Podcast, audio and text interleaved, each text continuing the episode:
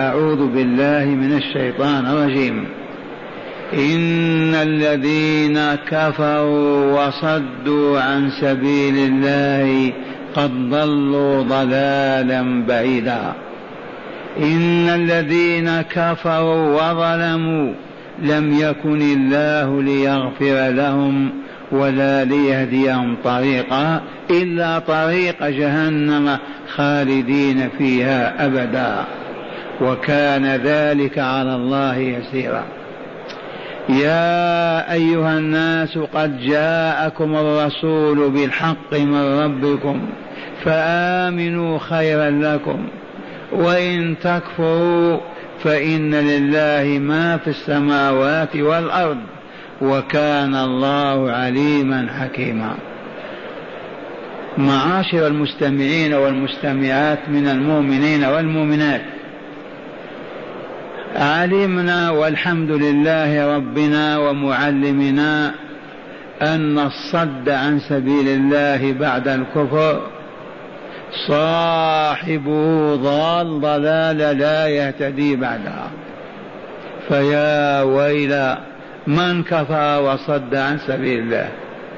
وذلك لقول ربنا إن الذين كفروا وصدوا عن سبيل الله قد ضلوا ضلالا بعيدا.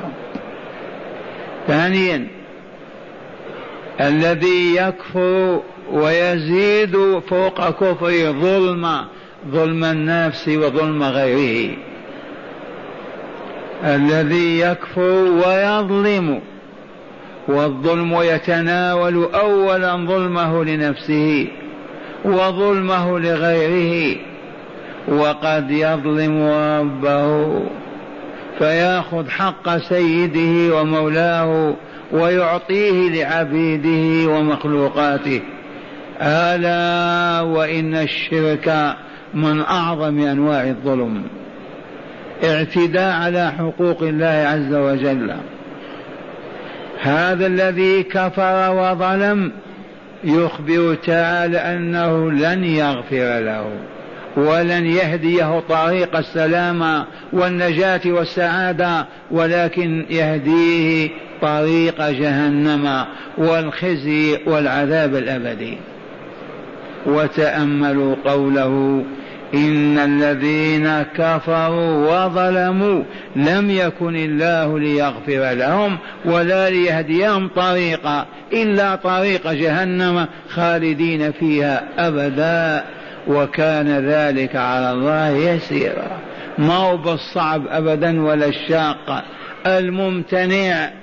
فالله أمره إذا أراد شيئا أن يقول كن فهو والله يكون. فلو يدخل البشرية كلها والجن كلهم والملائكة في عالم الشقاء يعجز عن ذلك؟ إنه على كل شيء قدير. ومن أراد أن ينظر إلى قدرة الله يرفع رأسه إلى الشمس ويسأل علماء الفلك هذا الكوكب من صنعه؟ بنو فلان. الدولة الفلانية كوكب ماذا؟ كتلة من النار. من أوجد هذه النار؟ ما مادتها؟ هذا الكوكب كم ماذا؟ هذا أكبر من كوكبنا الأرض بمليون ونصف مليون مرة. من أوجده؟ من سخره وأداره في فلكه لحكمة أرادها بعد هذا تشك في قدرة الله. يا ابن آدم والله على كل شيء قدير.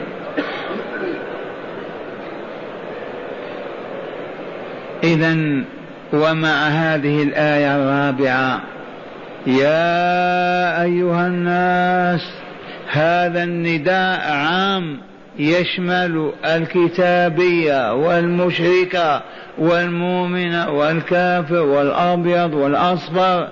كل بني آدم. هذا النداء عام. ولكن في في الدرجة الأولى يتناول اليهود والنصارى. لماذا؟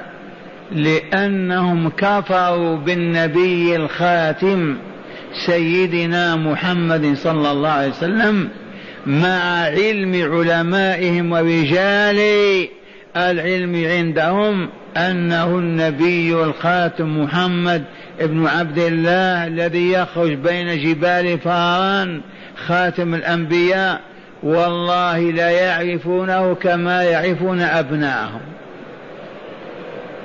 ولكن الحفاظ على المنصب والكرسي والطعام والشهوات حرمهم أن يعترفوا بالحق. قال تعالى يعرفونه كما يعرفون أبناءهم. قال عبد الله بن سلام الحبر العظيم من بني إسرائيل من اليهود في المدينة. وقد أسلم أول من أسلم. قال والله إني لا أعرف رسول الله أكثر مما أعرف ابني. لما قال ابني ممكن أمه خانتني وأنا ما أدري. أما هذا رسول الله فوالله لا رسول الله. والتوراه كتاب الله والإنجيل. صفات رسول الله فيهما ونعوت رسول الله تكاد تنطق. واسمع ما قاله تعالى في الإنجيل. ومبشرا برسول ياتي من بعدي.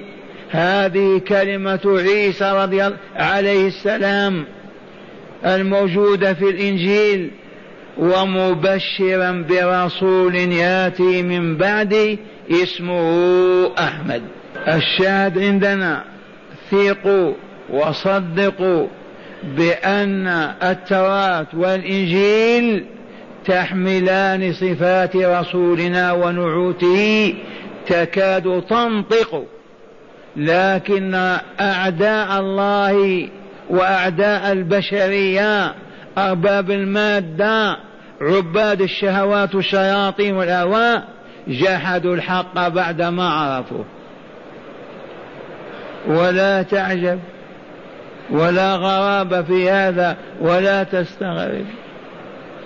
المسلمون بينهم وفيهم من جحدوا الحق وانكروه وتنكروا له وكذبوا به أيضا.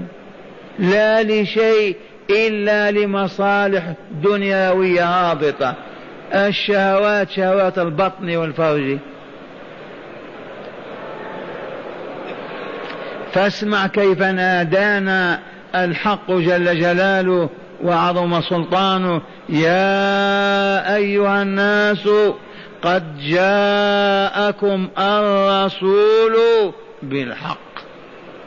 ما قال قد جاءكم رسول؟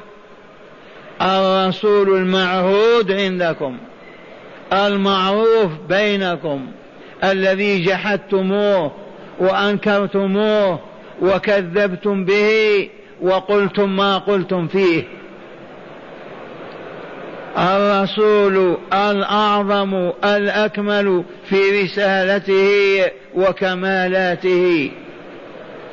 وإنه والله لمحمد بن عبد الله ابن عبد المطلب ابن هاشم القرشي العدناني من ولد إسماعيل بن إبراهيم عليهم السلام. هذا النداء ينبغي أن تصغي إليه الآذان. هذا نداء خالقنا مالك أمرنا مولانا. يبلغنا ماذا؟ يقول قد جاءكم الرسول. قولوا مرحبا به وأهلا وسهلا بمجيء حبيب الله ورسوله ومصطفاه. قالوا لا لا. هذا يريد أن يحكم ويسود. هذا يريد أن يستغلنا وأن يستعبدنا. فأخذوا يحرفون كلام الله ويبدلونه ويغيرونه. يا ويلهم من عذاب جهنم وثم يذكرون حالهم ويبكون ولا يجديهم البكاء وتتمزق قلوبهم حصرات ولا ينفعهم ذلك في شيء. هذه إنعامات الله وإفضالاته. ينادي البشرية بعنوانها العام يا أيها الناس قد جاءكم الرسول الأعظم محمد صلى الله عليه وسلم بالحق. يحمله إليكم من أجل أن تكملوا في دنياكم وتسعدوا فيها وتسعدوا في آخرتكم. ما جاء ليجمع أموالكم أو ليتسلط عليكم أو ليسودكم جاء بالحق يحمله. وهذا من أين؟ قال من ربكم. من ربنا؟ إي والله كيف نرد ما جاءنا من ربنا؟ مجانين نحن لا عقول, عقول لنا. أيجيئنا رسول يحمل الهدى والنور من ربنا من سيدنا وخالقنا والذي إليه مصيرنا. كيف نرده؟ كيف لا نقول أهلا وسهلا ومرحبا؟ لكن إبليس وأعوانه وقفوا في الطريق.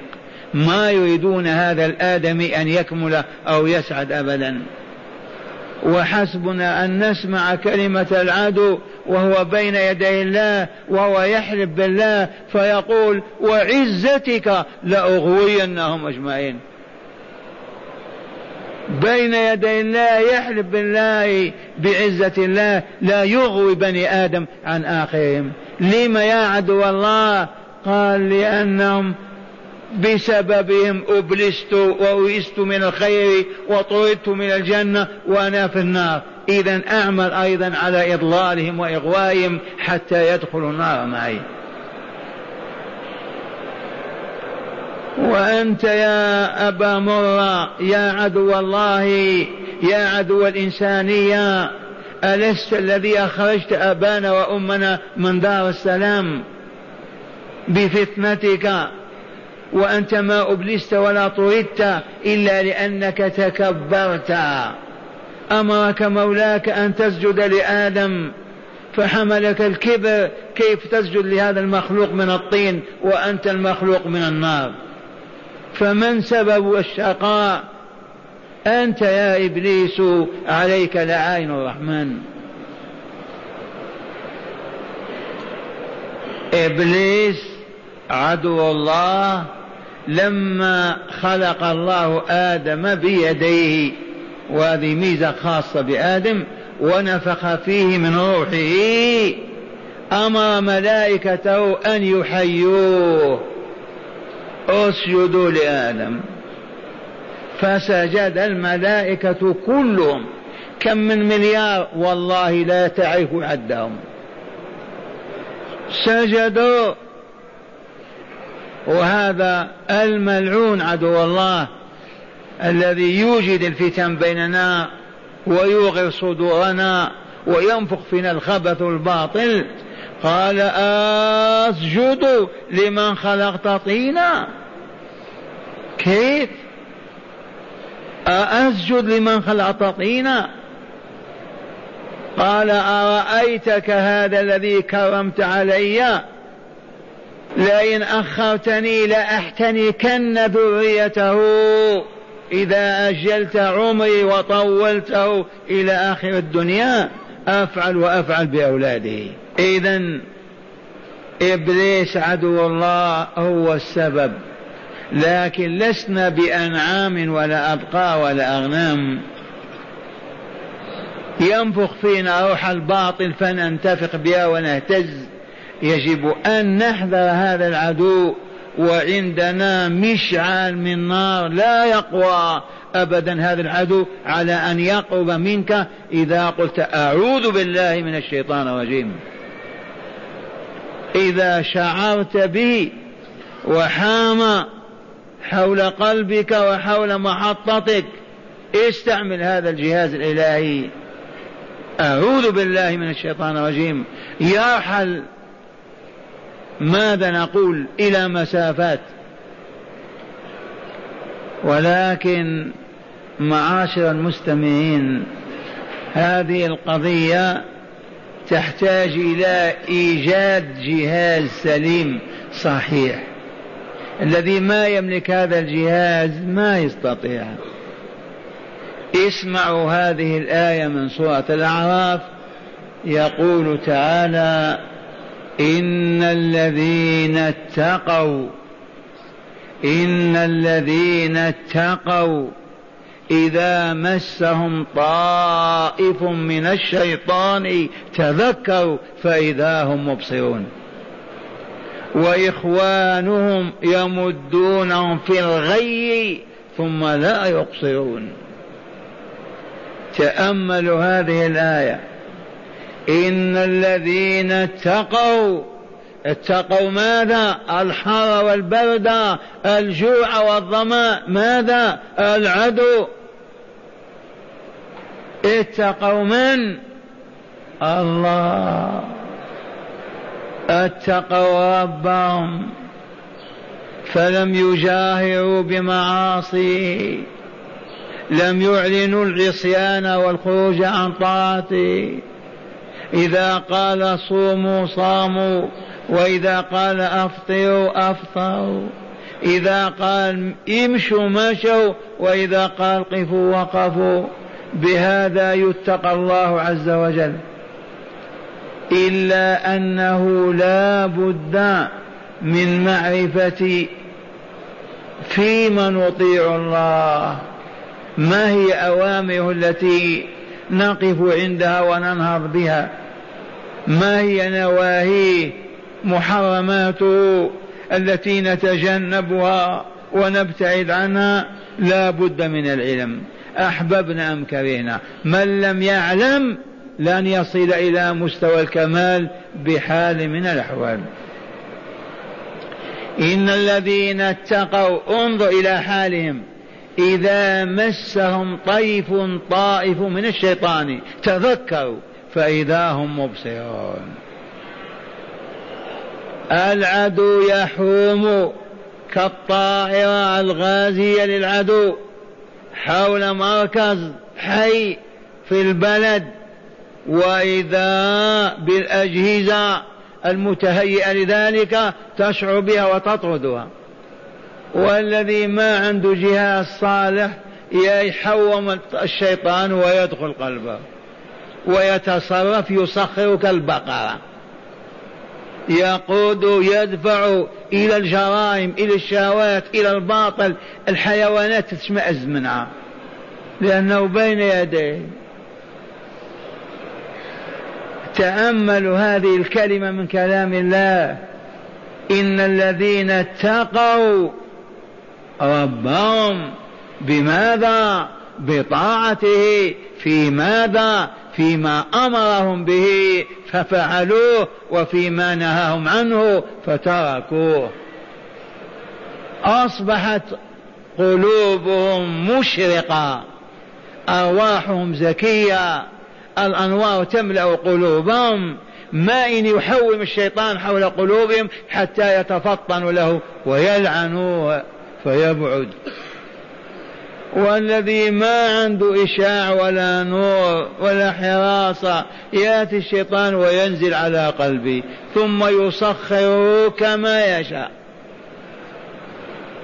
إن الذين اتقوا إذا مسهم طيف من الشيطان تذكروا فإذا هم مبصرون.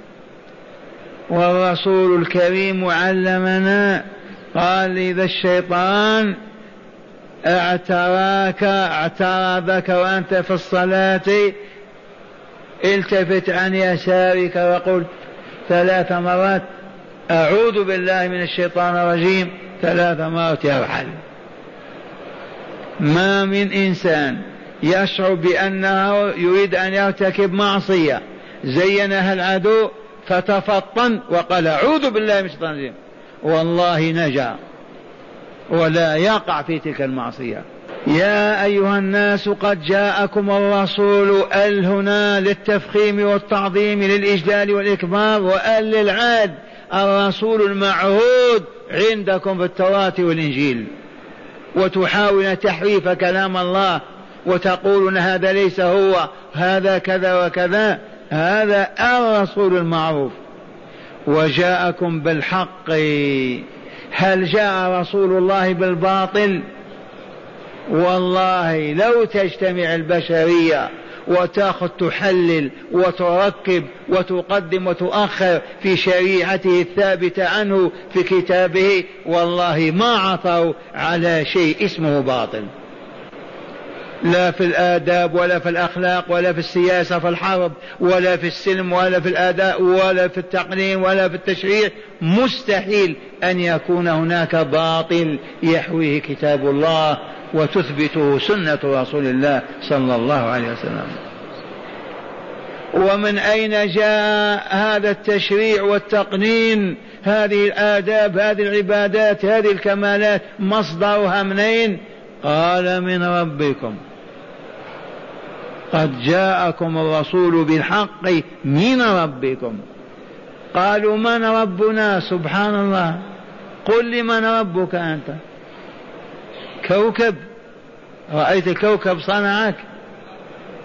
جبل. رأيت الجبل صنعك. من ربك؟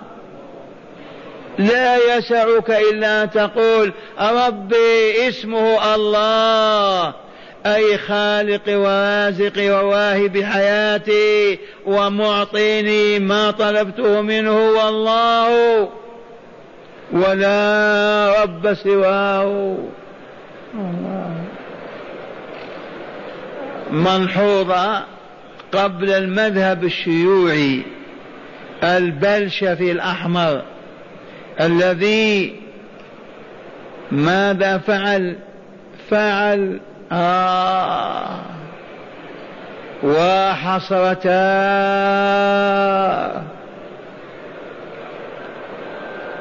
المذهب الشيوعي أراحنا من الصليبية مزقها داسها ماذا فعل بها؟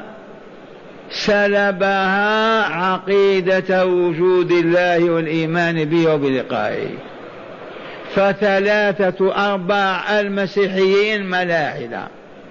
بلاشفة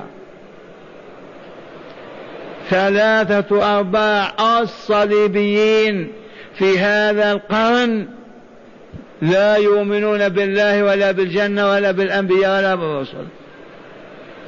من فعل بهم هذا؟ بنو عمنا اليهود. لماذا؟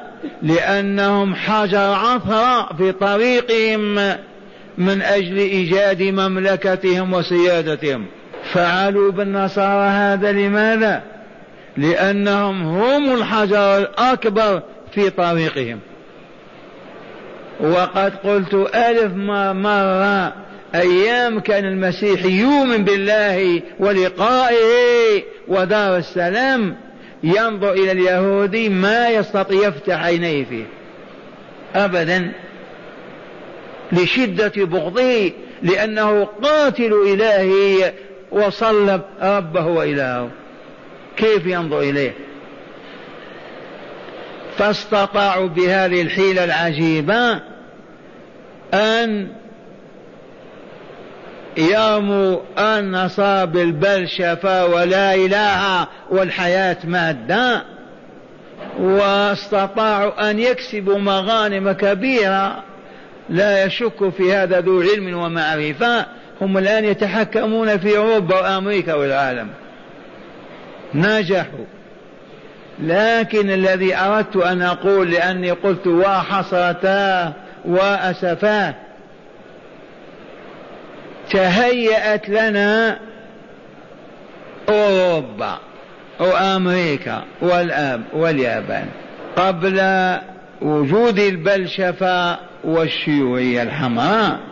ما يستطيع مؤمن يؤذن في أوروبا أو يدخلها أبدا مغلقة. لكن شاء الله وهو يدبر وهو العليم الحكيم أن تأتي هذه البلشفة وتهبط تلك العقيدة وتزول وتصبح أوروبا كأمريكا دارا مفتوحة للإسلام والمسلمين. المساجد التعليم الصلاة والله صلينا في المطارات. قبل هذه لا يمكن أن يظهر مسلم. كيف يصح؟ هيا نغتنم الفرصة وننشر دعوة الله في تلك الديار التي فتح الله أبوابها لنا. هيا. ونادينا وصرخنا. يجب أن تتكون لجنة عليا للعالم الإسلامي. يشارك فيها كل قطر وإقليم بعالم أو عالمين. تلك اللجنة العليا تضرب فريضة على كل مؤمن بدرهم أو دينار في العام أو في الشهر. فتوجد ميزانية ضخمة لا تعادلها ميزانية في الدنيا. وتقوم فقط بنشر دعوة الله في تلك الأرض التي فتح الله أبوابها.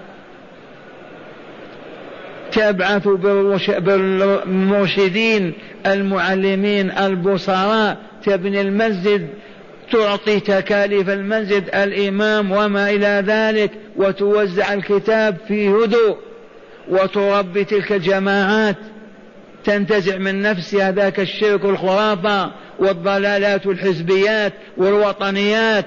يصبح المسلمون في أوروبا في أمريكا جسم واحد مسلم. لا قبلي ولا بربري ولا عربي ولا ولا مسلم فقط لا حنفي ولا شافي ولا مالكي مسلم فقط كأنهم الملائكة. ما إن ينظر إخواننا الكفار هذه الأنوار حتى يتدفقوا عليها. من يكره هذه الأنوار؟ يشاهدون المسلمين كلمة واحدة. الصوت ما هو مرفوع. لا ضجيج ولا صخب ولا حرب ولا قتال ولا ولا. الطهر والصفاء المودة والإخاء التعاون على البر والتقوى البعد عن الإثم والعدوان. كالملائكة والله ما تمضي خمسة وعشرون سنة وتدفق الناس على الإيمان والإسلام. ها الآن الفرصة قد ضاعت. الفتنة الدائرة في بلاد العرب يقتلون النساء والأطفال ويذبحون بعضهم بعضا ويفعلون الأعاجيب. قالوا انظروا إلى الإسلام هذا. ووقفوا الآن موقف وأنا أخشى وقد قلت لكم والله إن لم نستقم حقا ونعود. لإخواننا المسلمين في أوروبا في أمريكا يرمون في البحر. وينهون وجودهم. ما لنا لا نستيقظ ولا نفيق ولا ننهض ولا نتحرك. أين الصحوة هذه؟ إنها سكرة من أعظم السكرات. سموها صحراء يا أيها الناس قد جاءكم الرسول بالحق يحمله معه من ربكم لا من جهة من الجهات ولا طائف من الطوائف ولا زعيم من الزعماء ولا ملك من الملوك وإنما من ربكم. إذا فآمنوا خيرا لكم. آمنوا خيرا لكم من الكفر. ألف مرة. فآمنوا بهذا الرسول. إيمانكم يكن خيرا لكم من الكفر. هذه دعوة الله بين أيدينا. نحن بني الناس على هذه الأرض. يا أيها الناس قد جاءكم الرسول ولا تقول جاء من ألف وأربعمائة سنة كأنه الآن رسالته هي هي كلمات التي قال محفوظة بالحرف الواحد. ما ضاع شيء أبدا؟ قد جاءكم الرسول بالحق من ربكم فآمنوا. هذا أمر الله وإلا لا؟ آمنوا أي صدقوا بأنه رسول الله صلى الله عليه وسلم وامشوا وراءه. يصل بكم إلى دار السلام. فآمنوا خيرا لكم. الله هو خالق الخير والشر وإلا لا يعلمنا أن إيماننا به خير لنا من الكفر به. وهو والله لكذلك خيرا لنا في الدنيا وفي الآخرة على حد سواء. وإن تكفروا وبعد وإن تكفروا معنى ذلك أنكم انتصرتم. رفضتم أمر الله ما قبلتموه وكفرتم معنى أنكم سوف تغلبون الله. ولا تبالون بسلطان ولا بدولته يقول تعالى فإن لله ما في السماوات والأرض. كل شيء في الملكوت الأعلى والأسفل له بيده أين تذهبون؟ أنتم كالنعاج فقط. بين يدي الله. فلا تفهموا أنكم إذا رددتم أمر الله وقلتم ما نؤمن بهذا الرسول ونكفر به تظنون أنكم غلبتم الله. أستطعتم أن تعجزوه لأنكم ما آمنتم. فأعلمهم أن له ما في السماوات والأرض. بيده وفي قبضته وملكه يعطي ويمنع يرفع ويضع يحيي ويميت وهو على كل شيء قدير. وكان الله عليما بخفايا الأمور وبظواهرها وعلانيتها. عليما بالكافر من هو والمؤمن من هو والبار والفاجر والصالح والطالح والحاضر والغائب والآتي والميت. عليم وحكيم. والحكيم يضع الشيء في موضعه. ومعنى هذا إن كفرتم وقعتم في المحنة ولن تخرجوا منها.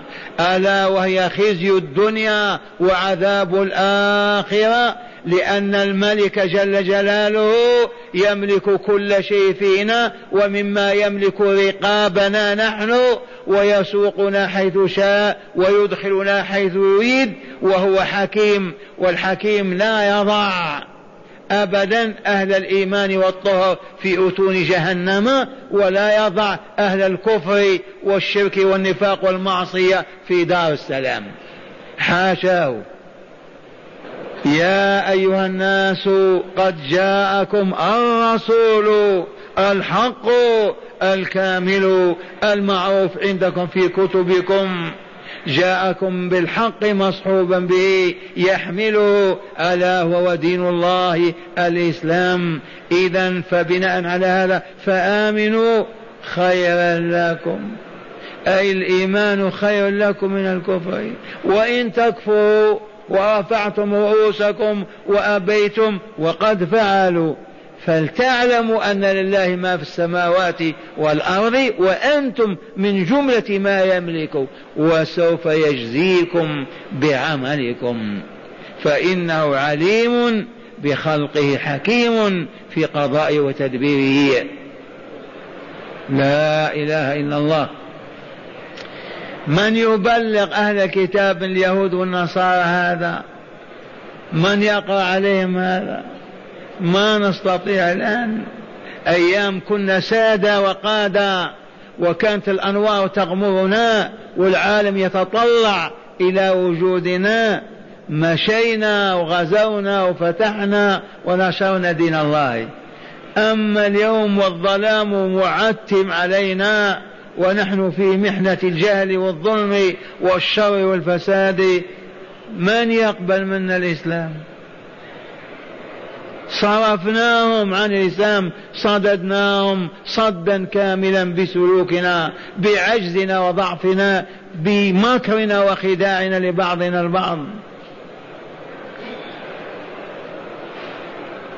معاشر المستمعين نعود إلينا مع رسولنا صلى الله عليه وسلم.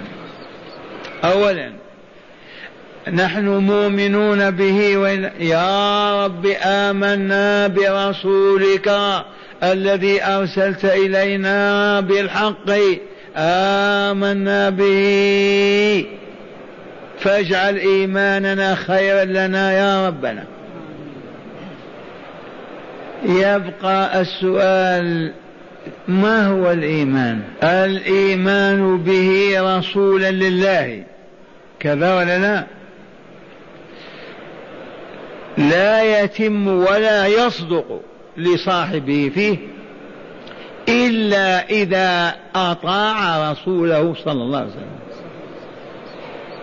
الذي ما يطيع رسول الله ما آمن به.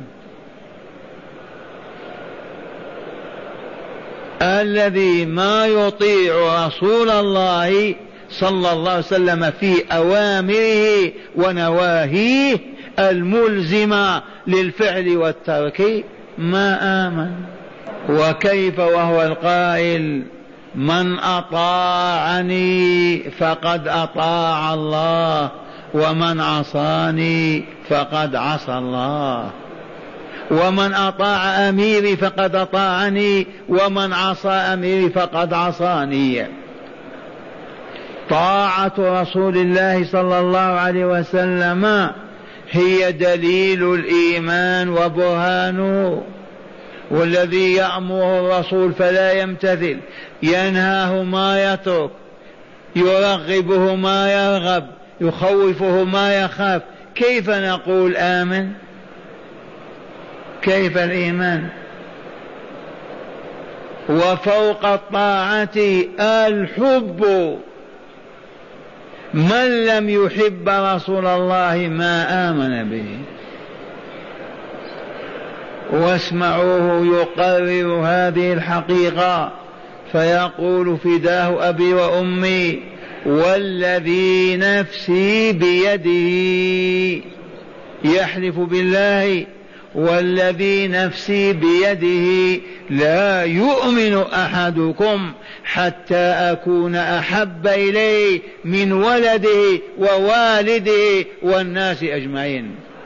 والذي نفسي بيده لا يؤمن أحدكم ويصبح المؤمن بحق الصادق في إيمانه حتى يكون رسول الله صلى الله عليه وسلم أحب إليه من ولده ومن والده والناس أجمعين. هذا الحب. فهل نحب رسول الله؟ من أمثلة الحب ما هي؟ أن يحب شيئا فتحبه بحبه. يكره شيئا فتكرهه بكرهه ذي علامة الحب. علامة الحب. أن يحب المحبوب شيئا فتحبه بحبه وإن كان غير موافق لمزاجك وطبعك وغير محقق لرغبتك. ما دام حبيبك يحبه أنت تحبه. وإذا كان حبيبك يكره الشيء إن كنت محبا صادقا تكره وإن كانت نفسك تريده وترغب فيه وتتلذذ به لكن ما دام الحبيب قد كرهه تحمل نفسك على كرهه والابتعاد عنه. سمعتموه يقول والذي نفسي بيده وهو الله. لا يؤمن أحدكم معاشر المؤمنين والمؤمنات حتى أكون أحب إليه من ولده ووالده والناس أجمعين. جاء عمر إلى جنب رسول الله صلى الله عليه وسلم يماشيه فقال له يا رسول الله والله إنك لأحب إلي من ولدي ووالدي والناس أجمعين إلا نفسي. قال والله ما تؤمن حتى أكون أحب إليك من نفسك. فقال والله لأنت أحب إلي من نفسي. قال الآن يا عمر الآن آمنت. هيا هل بلغكم أن النبي صلى الله عليه وسلم سمع زمارة راعي في السفر فأدخل أصبعيه في أذنيه وأبى أن يسمع؟ ثباتم يكره الزمارة ولا لا؟ ما الزمارة؟ البيانو الكمانو قولوا ما شئتم. يكرهها. وأنت تصغي إليها وتسمع وتجعلها في غرفتك. تجلس أنت وأبناؤك دونها تسمعون. هذا يحبه رسول الله. هذا آمن والله لولا الجهل لقلنا ما آمن. لكن أغلب الناس جهالا. لا يعرفون ما يحب الله ولا ما يكره. هذا مثال. الرسول صلى الله عليه وسلم يحب كذا يجب أن تحبه وإن كان منافيا لغرائزك وطباعك وعاداتك. حتى تصبح المحب الصادق المؤمن الصادق. واسمع هذا البيان.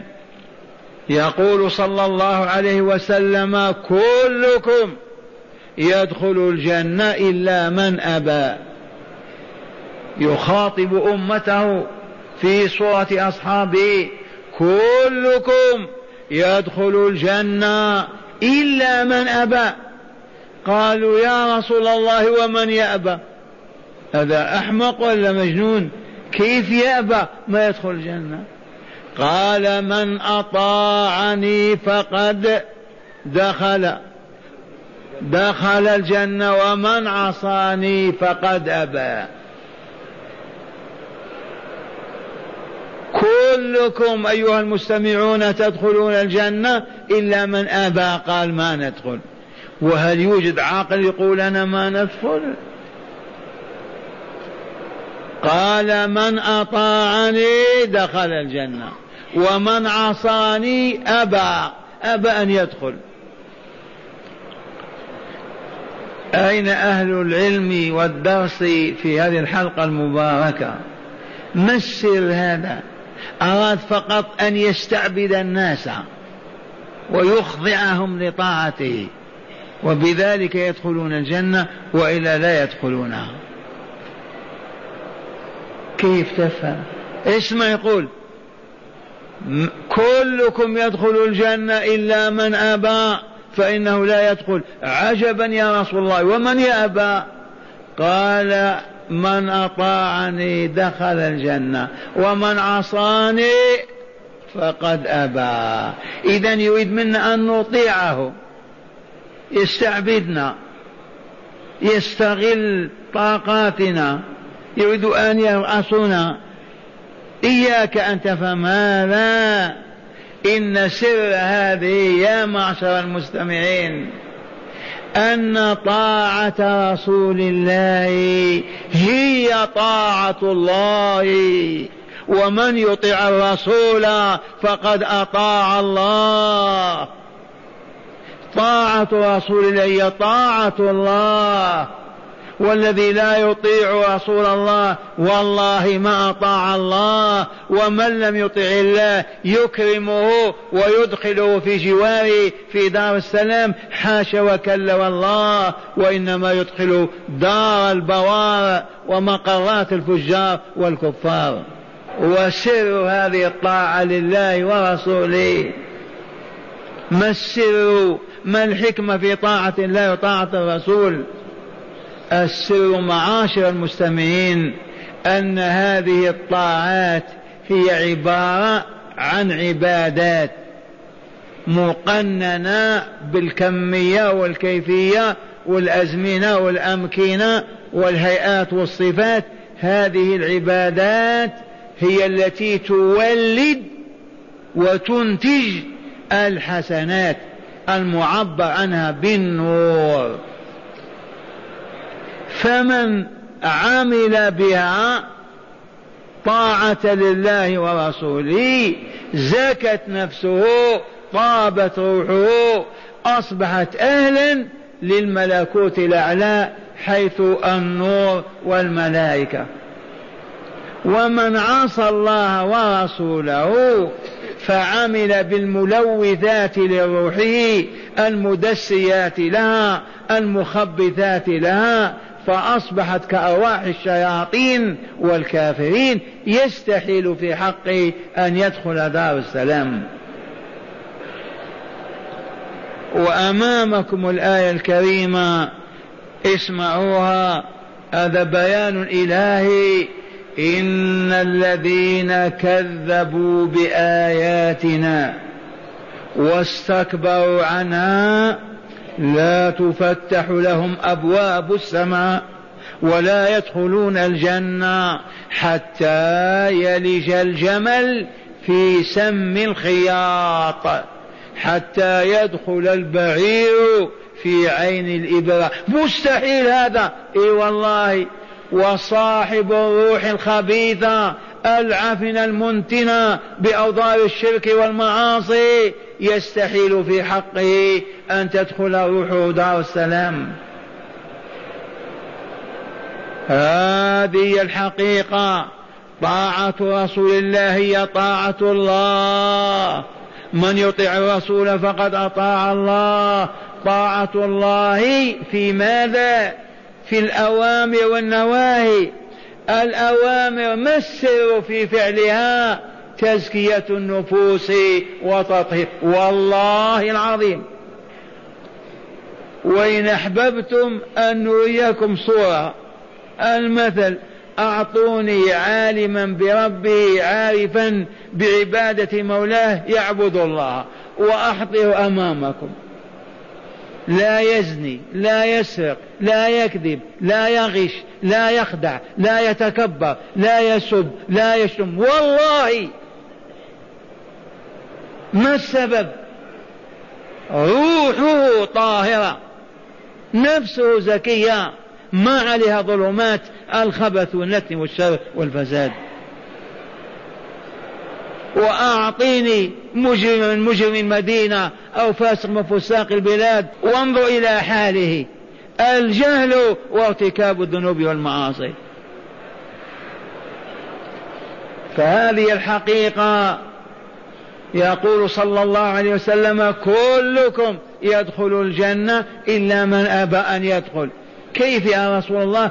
قال من أطاعني يدخل الجنة. وإلا لا لماذا؟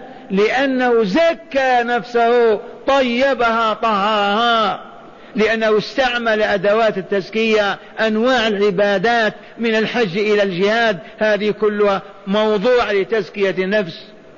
وأبعد نفسه عن الشرك والخرافات والضلالات والبدع المدسية للنفس الملوثة لها.